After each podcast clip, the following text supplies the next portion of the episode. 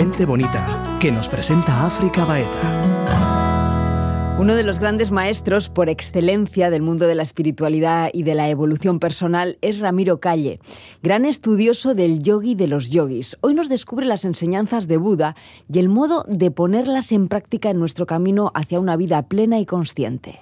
Gente bonita con África Baeta. Qué ilusión volver a hablar contigo. Para mí también, porque me encanta que podamos retomar estas que vamos a llamarle charlas metafísicas. Qué bonito, qué bonito y qué necesarias. Bueno, acabo de leer tu último libro y sé que llega otro en camino, que luego me lo cuentas. La sonrisa de Buda, aunque todos hablen de él, pero nadie le siga. Sí, el subtítulo es llamativo y provocativo intencionadamente. Constantemente se está hablando de Buda, documentales de Buda, películas de Buda, pero luego lo cierto, como trato de evidenciar punto a punto en este libro, es que casi nadie le sigue. Un monje en la selva de Tailandia, un monje en un monasterio de Birmania, pero muy poca gente es capaz de seguir esta tan elevadísima enseñanza de Buda. Y luego podemos ir viendo, querida África, por qué no podemos seguirlo fácilmente. Vale, porque dices que es un camino complicado que vamos a ir detallando en esta conversación, pero em, ¿por qué crees que se abusa tanto de Buda? Porque eh, ciertas palabras y ciertos conceptos y ciertas enseñanzas que se tergiversan y adulteran y rentabilizan y mercantilizan se ponen de moda. Y entonces ahora hay desde hace años pues una moda por enseñanzas orientales.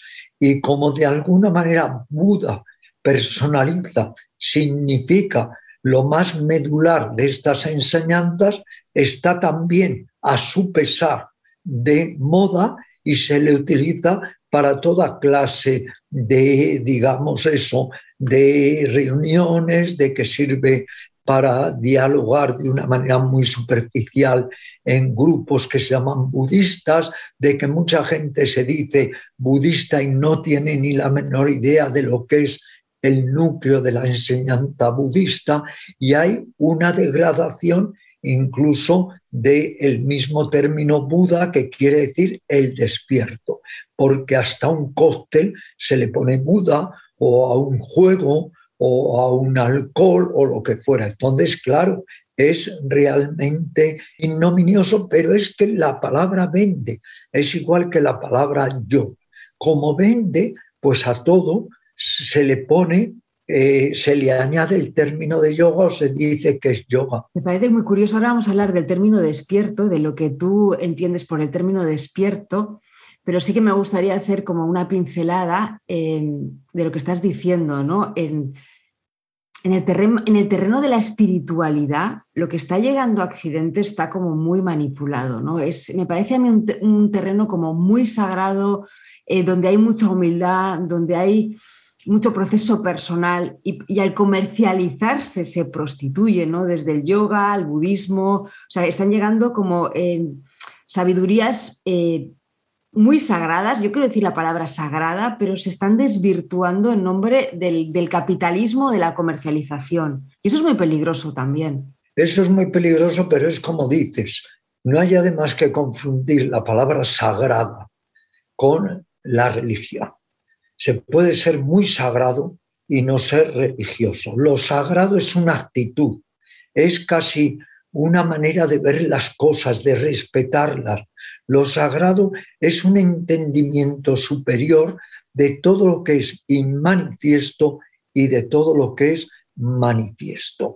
Y lo peor de todo África es que la degradación, el desdibujamiento de todas estas valiosísimas enseñanzas se está produciendo también en Oriente a pasos agigantados, porque ciudades como eran tan sagradas en el norte de la India, Rishikesh, ahora es un espectáculo circense, ahora es simplemente la venta de títulos de yoga a mansalva, simplemente porque hay gente que quiere lucrarse mediante ello y se han creado incluso las industrias del yoga, las industrias del budismo o las industrias del zen. Y todo ello se ha ido poco a poco degradando.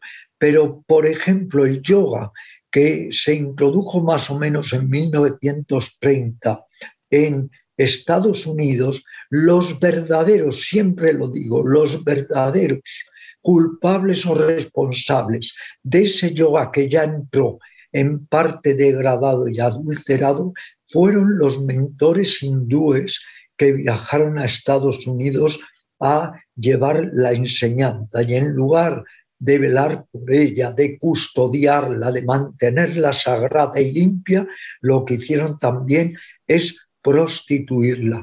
Ya decía el sabio Ramakrishna que en cuanto hay oro, ya la enseñanza se perturba, porque el mismo maestro, salvo que sea impecable, empieza a dejarse arrastrar por la avaricia, la voracidad del dinero. ¿Cuál debería ser para ti la enseñanza del yoga? El yoga en realidad es la recuperación de uno mismo, volver al lugar interior, de ser el que uno nunca ha dejado de ser, pero ha perdido de vista y poner en marcha una serie de técnicas, procedimientos milenarios para ello. La, digamos, meta del yoga es lo que se llama la mente liberada, el samadhi. Otros le llaman nirvana, otros le llaman satori. En las distintas tradiciones se reconoce que hay un estado de mente muy, muy especial que está más allá de la mente ordinaria, que es donde podemos encontrar respuestas a los grandes interrogantes existenciales. El yoga es para liberarnos del sufrimiento que genera una mente insana, una mente discapacitada como todos tenemos, y para trasladarnos a una manera de ver, de ser, de estar en el mundo totalmente diferente, mucho más armónica, más equilibrada y más cooperante. Y el yoga verdadero trabaja siempre sobre la conciencia para ir poco a poco elevando el dintel de la conciencia para que te podamos tener una visión infinitamente menos egocéntrica y mucho más amplia, con un sentimiento de unidad. ¿Cómo se trabaja ese nivel de conciencia a través del cuerpo? Porque claro, el, yoga convierte en pequeñita la mente, convierte pequeñito nuestro yo mental personal, egoico podríamos decir, pero te va aumentando el nivel de conciencia. ¿Cómo se va consiguiendo? ¿no? O sea, trabajando cada uno de los chakras con movimientos. Es que para el yoga la conciencia puede ser sobrepasada la conciencia puede de alguna manera ir más allá de la conciencia. De la mente ordinaria podemos pasar a una supramente o mente infinitamente más elevada. Este trabajo se puede hacer a través del cuerpo, de las energías, de las emociones, de los sentimientos, del cultivo de la atención, del discernimiento. Hay muchos métodos, pero la meta es la misma. La meta es la mente liberada, lo que llamamos en el yoga moksha, que quiere decir liberación. ¿Liberación de qué? Liberación de las tendencias nocivas, el miedo, el odio, los celos, la rabia, el apego. Liberación de nuestra falsa personalidad y de nuestro ego. Liberación de todo tipo de creencias erróneas, de esa estrecha y miope visión que todos tenemos que no nos permite ver la realidad como es. Y liberación muy importante del el atractivo desmesurado de los sentidos, porque cuando todo es mirar hacia afuera, nunca miramos hacia adentro. Y el yoga y todas las técnicas liberatorias, incluidas las de la mística cristiana y por supuesto los estoicos, etcétera, lo que trata es que le demos un giro a la mente, no para que todo sea hacia afuera, sino para que también parte de nuestra energía sea hacia adentro y, y podamos capa tras capa empezar a buscar nuestro núcleo ontológico, nuestro yo más esencial. Todos son palabras porque unos pueden decir el ser, el yo, el atman, el alma, da igual. Hay otra realidad en nosotros que nos pasa totalmente desapercibida. Y desde la más remota antigüedad fueron surgiendo técnicas para el cultivo, desarrollo, elevación de la conciencia. Citemos algunas. La meditación, la gimnasia sagrada, determinados movimientos físicos que tienen un carácter sagrado y que despiertan nuestro cuerpo para ir hacia la conquista de la mente, la oración consciente, los mantras, la sexualidad consciente y otras muchas técnicas que son, digámoslo así, herramientas para que esta mente tan limitada pueda dar el salto hacia la no mente o la mente suprema.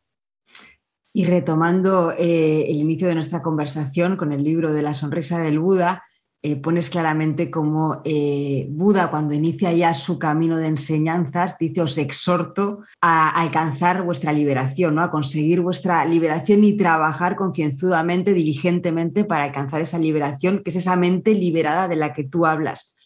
Pero antes de entrar en eso, eh, Ramiro, explícame un poquito el, esa búsqueda ¿no? de, Buda, ¿no? de Siddhartha. Sí. Para, empezar a entrar en cada uno de, los puntos que desarrollas en el libro que me parecen eh, muy necesarios y muy útiles para la persona que lo está leyendo y está en un camino de búsqueda además. Sí, en el libro hay una hoja, un folio, donde contrasto los intereses de la sociedad actual con los intereses budistas o de Buda. Y naturalmente es que no coinciden en ningún sentido. Buda eh, predicaba el desapego. Esta sociedad es todo apego. Buda predicaba la generosidad.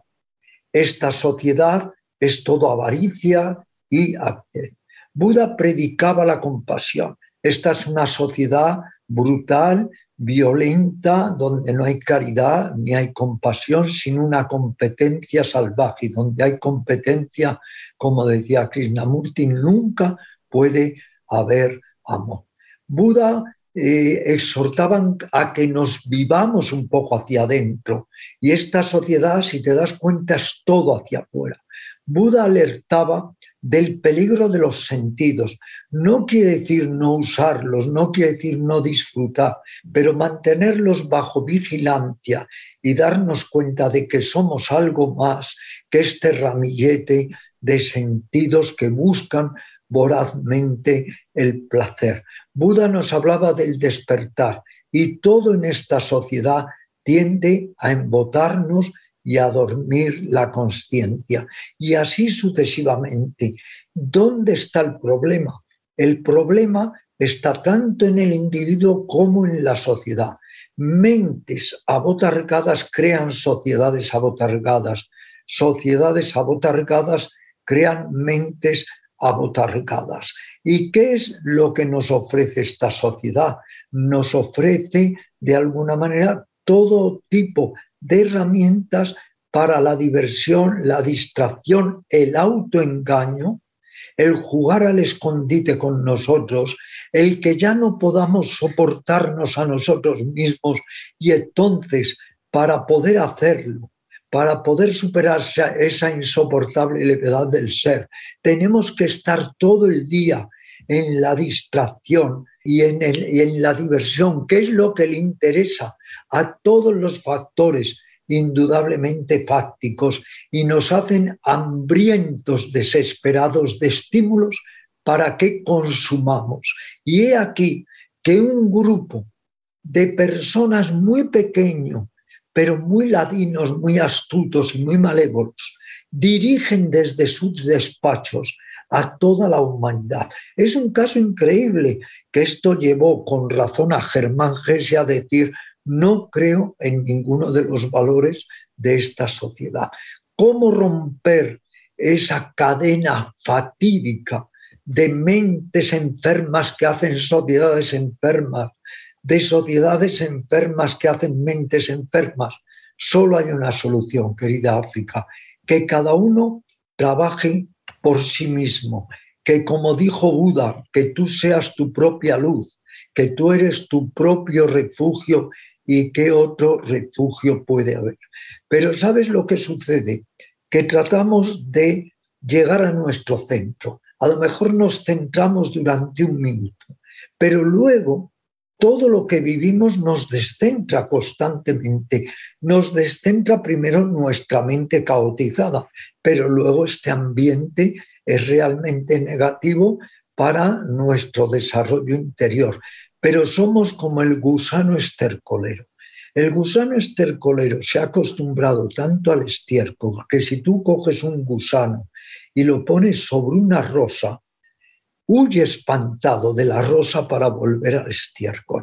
Nos hemos acostumbrado, habituado tanto a este estiércol que nos están dando constantemente que ya no podemos vivir en soledad, digo en soledad un poco para luego comunicarnos con los demás, que estamos realmente discapacitados. Es un problema muy grave del que mucha gente no se da cuenta y siempre estamos hablando el cambio, el cambio, el cambio.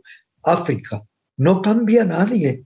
En realidad es un modo de expresión. Voy a cambiar, voy a mejorar, voy a variar no cambiamos porque la mente vieja arrastra tantos fardos, tantos lastres, que cada vez que intentamos un cambio, siempre fracasamos y nos quedamos solo en el intento. Habrá gente que piense que esta es una opinión catastrofista, no. Esta es una opinión muy realista. Y si un médico no sabe ver el mal, no podrá diagnosticarlo y curarlo. Y nuestro mal lo venimos arrastrando desde hace miles de años, pero no queremos verlo porque es más fácil jugar al escondite con nosotros y es más fácil dejarnos atolondrar, aturdir por estos juguetes que nos da esta sociedad, detrás de los cuales lo único que hay es el afán de unos cuantos de lucrarse, lucrarse, lucrarse. Ese autoengaño, ¿no? ese, ese estado de estar eh, huyendo constantemente de uno mismo con estímulos exteriores, en definitiva, eh, puede beneficiar a un sistema capitalista que se tiene que sostener a través de ese, autoengaño, ¿no? de dar ese soma que decía en un mundo feliz eh, Huxley. Pero en definitiva, sí o sí, lleva al individuo al sufrimiento. Bueno, no solamente siendo ecuánimes, beneficia a un sistema capitalista, beneficia al poder. Sea capitalista, sea comunista, sea ni capitalista, ni comunista, ni blanco, ni negro, sobre todo lo contrario. ¿A quién beneficia? A los poderes fácticos y al poder que, volviendo a Krishnamurti, el poder siempre es putrescible. De todas las formas, lo que se busca es que abunde un instinto de borreguismo. Por eso el místico siempre ha sido perseguido, porque el místico es un revolucionario, el místico es insobornable. Y entonces, si de alguien huye el poder es del místico, que de una manera a veces, eh, digamos, vejatoria dice el visionario. No, el místico es el que verdaderamente sabe, como dijo Franco Battiato, el gran cantante, en una de las entrevistas, aseveró que las mentes más brillantes de la humanidad son los místicos. ¿Por qué? Porque no solo saben ver lo que hay aquí, saben ver lo que está mucho más de aquí. Y esto es solamente un botón de muestra de lo que hay realmente en el cosmos y en el universo. El ser humano tiene que cambiar. ¿Por qué tiene que cambiar? Porque es una mala copia de sí mismo y por eso es necesario que hagamos un trabajo de reeducación para que lo mejor de nosotros mismos pueda ir aflorando. Y ahí Buda insistió mucho en el cuidado de la mente. Él dijo que hay tres raíces muy venenosas, la ofuscación, la avaricia y el odio, que tenemos que ir desplazando mediante el desarrollo de sus tres opuestas, que son la lucidez, la compasión y la generosidad. Es que somos una mala copia de nosotros mismos, pero también eh, lo dices tú en tu libro, ¿no? Somos unos grandes desconocidos de nosotros mismos. Total, total. No queremos conocernos. Yo recuerdo, mira esta anécdota, África, que hace muchos años me llamaron a una emisora de radio para hablar del despertar de la conciencia. Y cuando llegué en el estudio, contemplé que había un cartel que ponía, por favor, no me despierte. Entonces dije, ¿qué hago yo aquí? Bueno, hablábamos de sufrimiento porque esta realidad lo que está llevando en definitiva es al sufrimiento del ser humano. O sea, uno huye de sí mismo, no se conoce a sí mismo, eh, vive en ese estado de buscar la felicidad en todo lo externo y ese camino eh, tiene como meta sí o sí el sufrimiento. Y esto nos conecta directamente con, con las cuatro nobles verdades de, de, Buda, ¿no? Exactamente, que hay sufrimiento, primera noble verdad. La segunda, que hay un origen de este sufrimiento o una causa. La tercera, que hay una vía para superarlo. Y la cuarta, la vía que nos ofrece una serie de medicamentos, por decirlo así, para superar el sufrimiento. ¿Qué es el sufrimiento? No hay que tomar el sufrimiento como un dolor extremo. El sufrimiento es insatisfacción profunda. El sufrimiento es nunca poder aplacar la sed de nuestros anhelos y de nuestros deseos. El sufrimiento es una mala salud psíquica y emocional, donde tendemos a la ansiedad, la angustia, el abatimiento, la depresión. El sufrimiento es angustia existencial.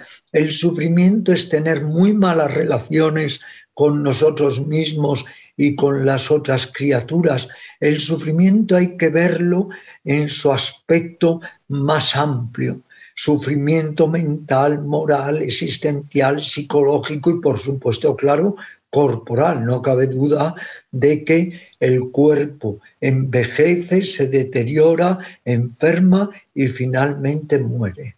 Pero dime una cosa, la raíz más profunda del sufrimiento está precisamente en el egotismo, ¿no? Cuando tú dejas de reconocerte como esa mente universal y te identificas plenamente con tu plano individual. Porque cuando tú te sientes unido a, a la totalidad, ahí no hay posibilidad de sufrimiento. El sufrimiento es la identificación con ese personajillo que está representando en el mundo. Ese personajillo que se cree tan importante.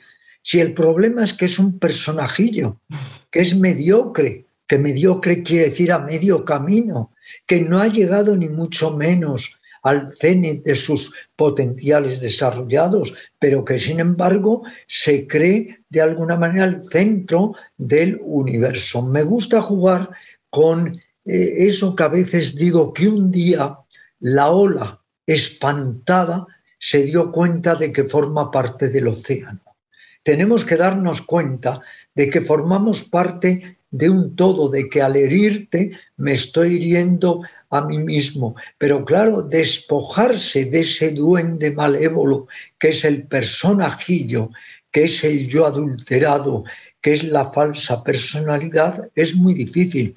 Hay que morir a esa falsa personalidad para nacer a una nueva manera de estar en el mundo, de sentir y de sentirse a uno mismo. No faltan claves, pero nadie dijo que el camino fuera fácil. Indudablemente es muy difícil porque suponte que es como aquel individuo que en un pueblo de la India llevaba 20 años durmiendo. Pasó para allí un yogi y los lugareños le suplicaron que entrase en la mente de ese durmiente y descubriese por qué ese hombre llevaba 20 años durmiendo.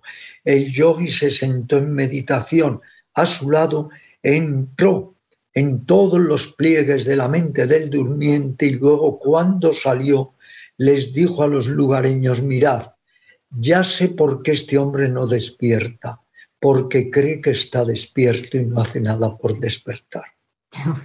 Claro, si creemos que estamos despiertos, que somos sabios, no hacemos nada por alcanzar sabiduría. Y en la mente hay una niebla que los hindúes llaman maya, lo ilusorio. Confundimos la bisutería con la joyería.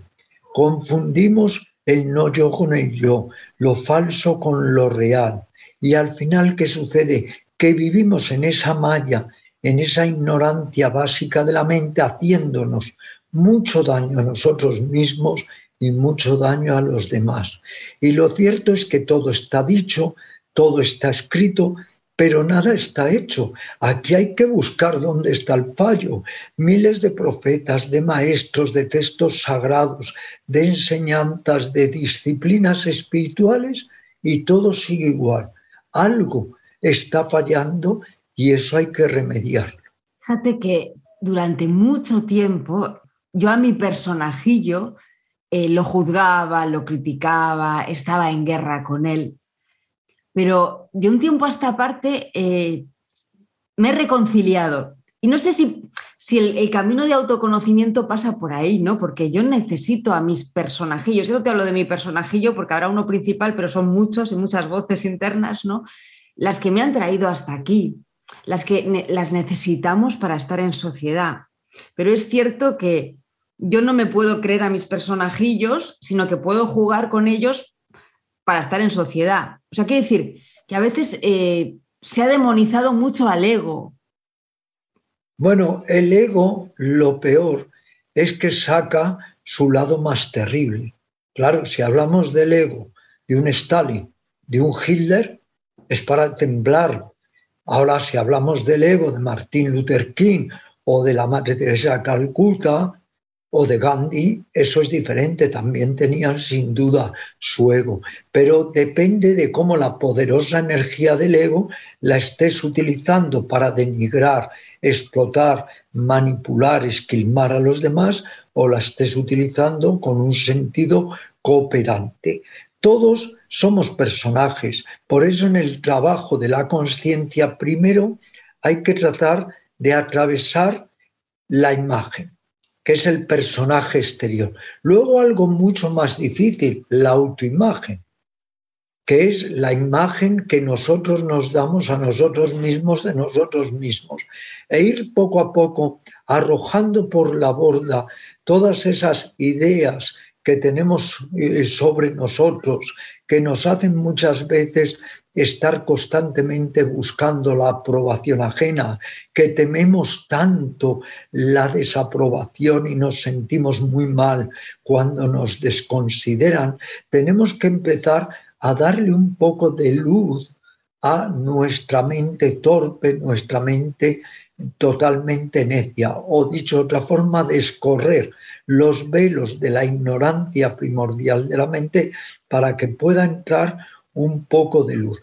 Esos personajillos, si ellos te utilizan, África, estás perdida. Ahora, si tú les utilizas y no te lo crees, si es como aquel maestro que me dijo, Ramiro, yo puedo jugar a la ruleta, pero con dinero ajeno. Entonces, ni pierdo ni gano, me divierto siempre porque claro, me da igual, estoy más allá de si ese dinero lo gano o lo pierdo. Esos personajillos son los mayordomos. Si el mayordomo toma el poder, estamos perdidos. Ahora, si tú diriges al mayordomo, pues el mayordomo puede incluso llegar a hacer las cosas correctamente. Y ahí viene el concepto de libertad, que no sé si te refieres a él cuando hablas de mente liberada. O sea, la libertad es la capacidad, pienso yo, ¿eh? para reconocer a todos esos personajillos desde dónde actúan y decidir si juego con ellos o no, si los utilizo o no. Sí, la cuestión África es no creérselos, no creernos nada. Pero hay tanta gente que alcanza cierta celebridad y se lo cree.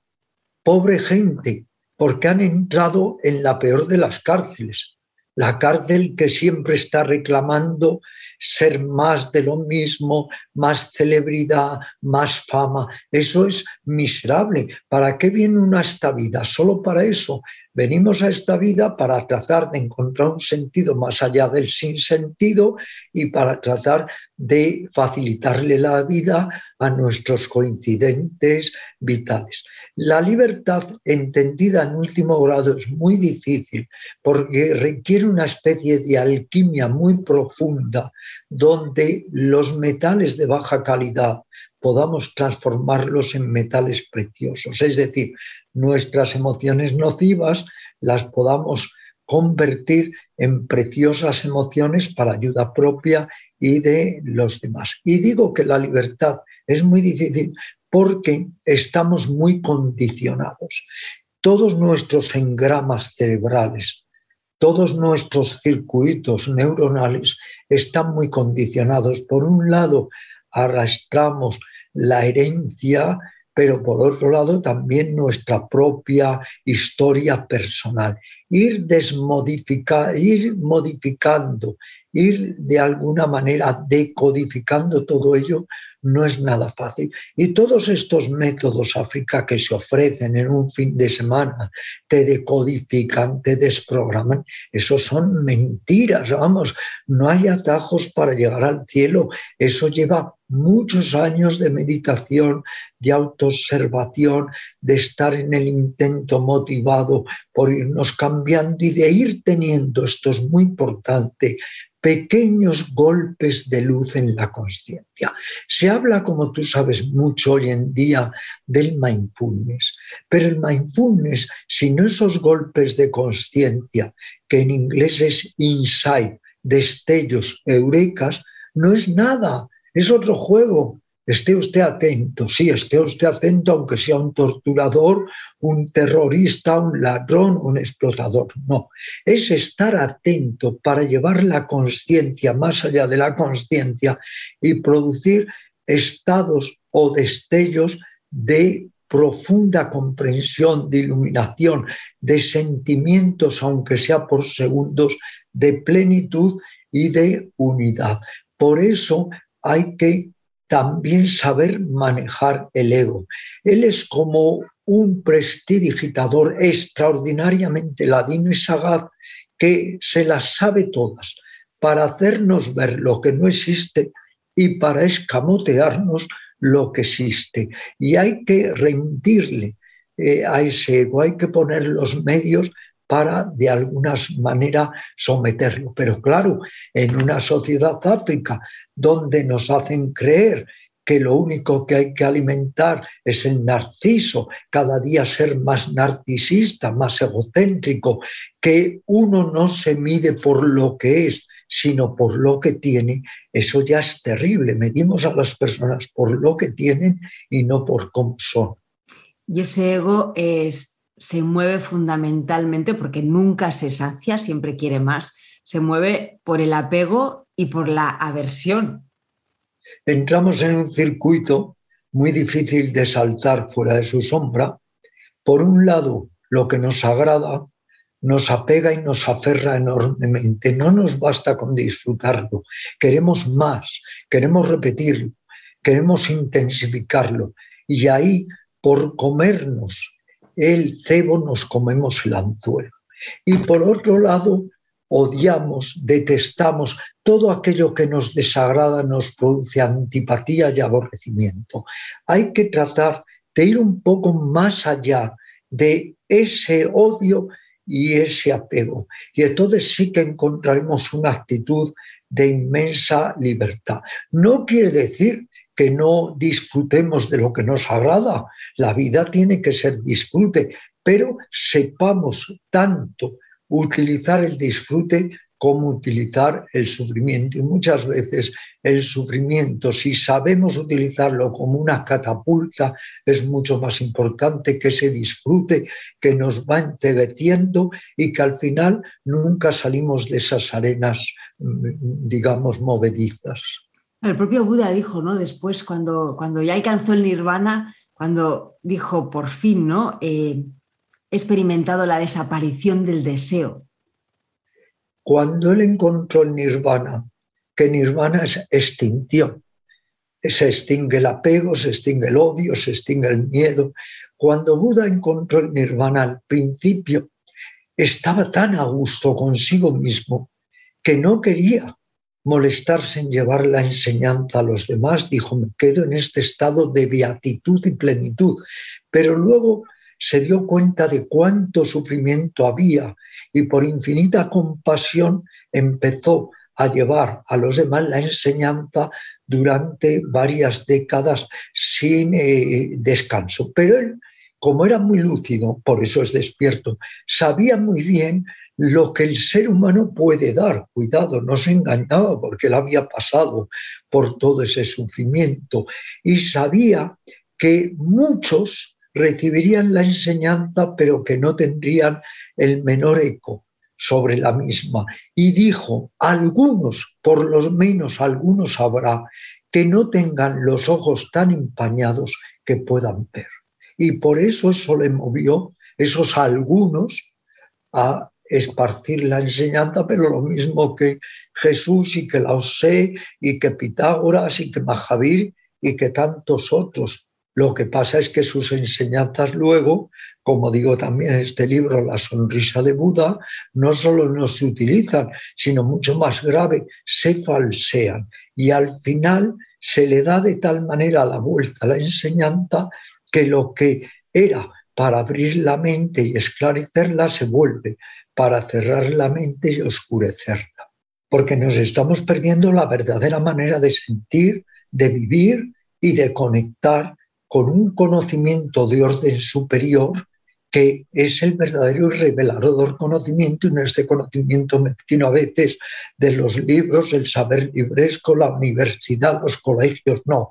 Estamos perdiéndonos el néctar o la ambrosia muchas veces de un conocimiento liberador. ¿A mí de qué me sirve, querida África, conocer todo si sigo sufriendo?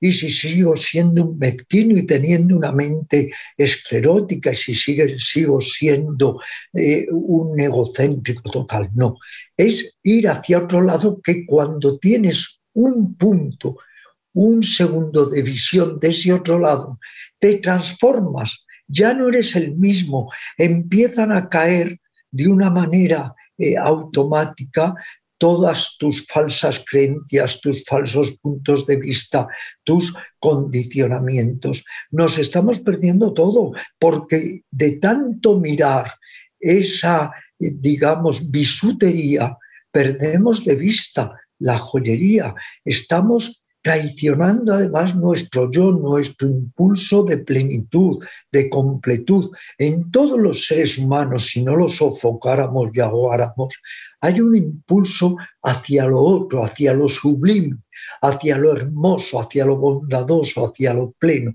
Pero lo ahogamos porque vivimos en una especie de gran prostíbulo donde todos somos prostitutas, pero hay prostitutas de buen corazón y prostitutas o prostitutos de muy mal corazón. Nos perdemos mucho. El único cambio posible sería que tuviéramos atisbos de esa otra realidad, el sentimiento de unidad, el sentimiento de plenitud, el sentimiento de que al herir, aunque sea un mosquito, me estoy hiriendo a mí mismo, el sentimiento de lo bello pero no solamente de lo sensorial. Entonces, ¿cómo le explicas a alguien que nunca ha tenido ese toque de plenitud o conciencia que eso nos lo estamos todos perdiendo, indudablemente? Y no me digas, y así, y así terminamos esta conversación, eh, Ramiro, que, que todo, todo de lo que hemos hablado quizá se solucionaría si realmente pudiéramos responder a la pregunta ¿qué somos? No quién, ¿eh? ¿Qué somos? ¿Qué somos y para qué somos? Primero descubrir qué somos, darnos cuenta de ese potencial maravilloso que somos o podemos ser y luego para qué para ayudar a los demás y ayudarnos a nosotros mismos, embellecernos por dentro, embellecer el planeta por fuera y que no tengamos que seguir recordando ese adagio hindú que dice, este planeta sin los seres humanos sería un paraíso. Vamos a tratar de conseguir que a pesar de los seres humanos pueda ser al menos medio paraíso. Gracias, Ramiro. Te adoro. Besos, África, te veo fabulosa. ¿eh? Un besito, gracias. Gracias, hasta luego.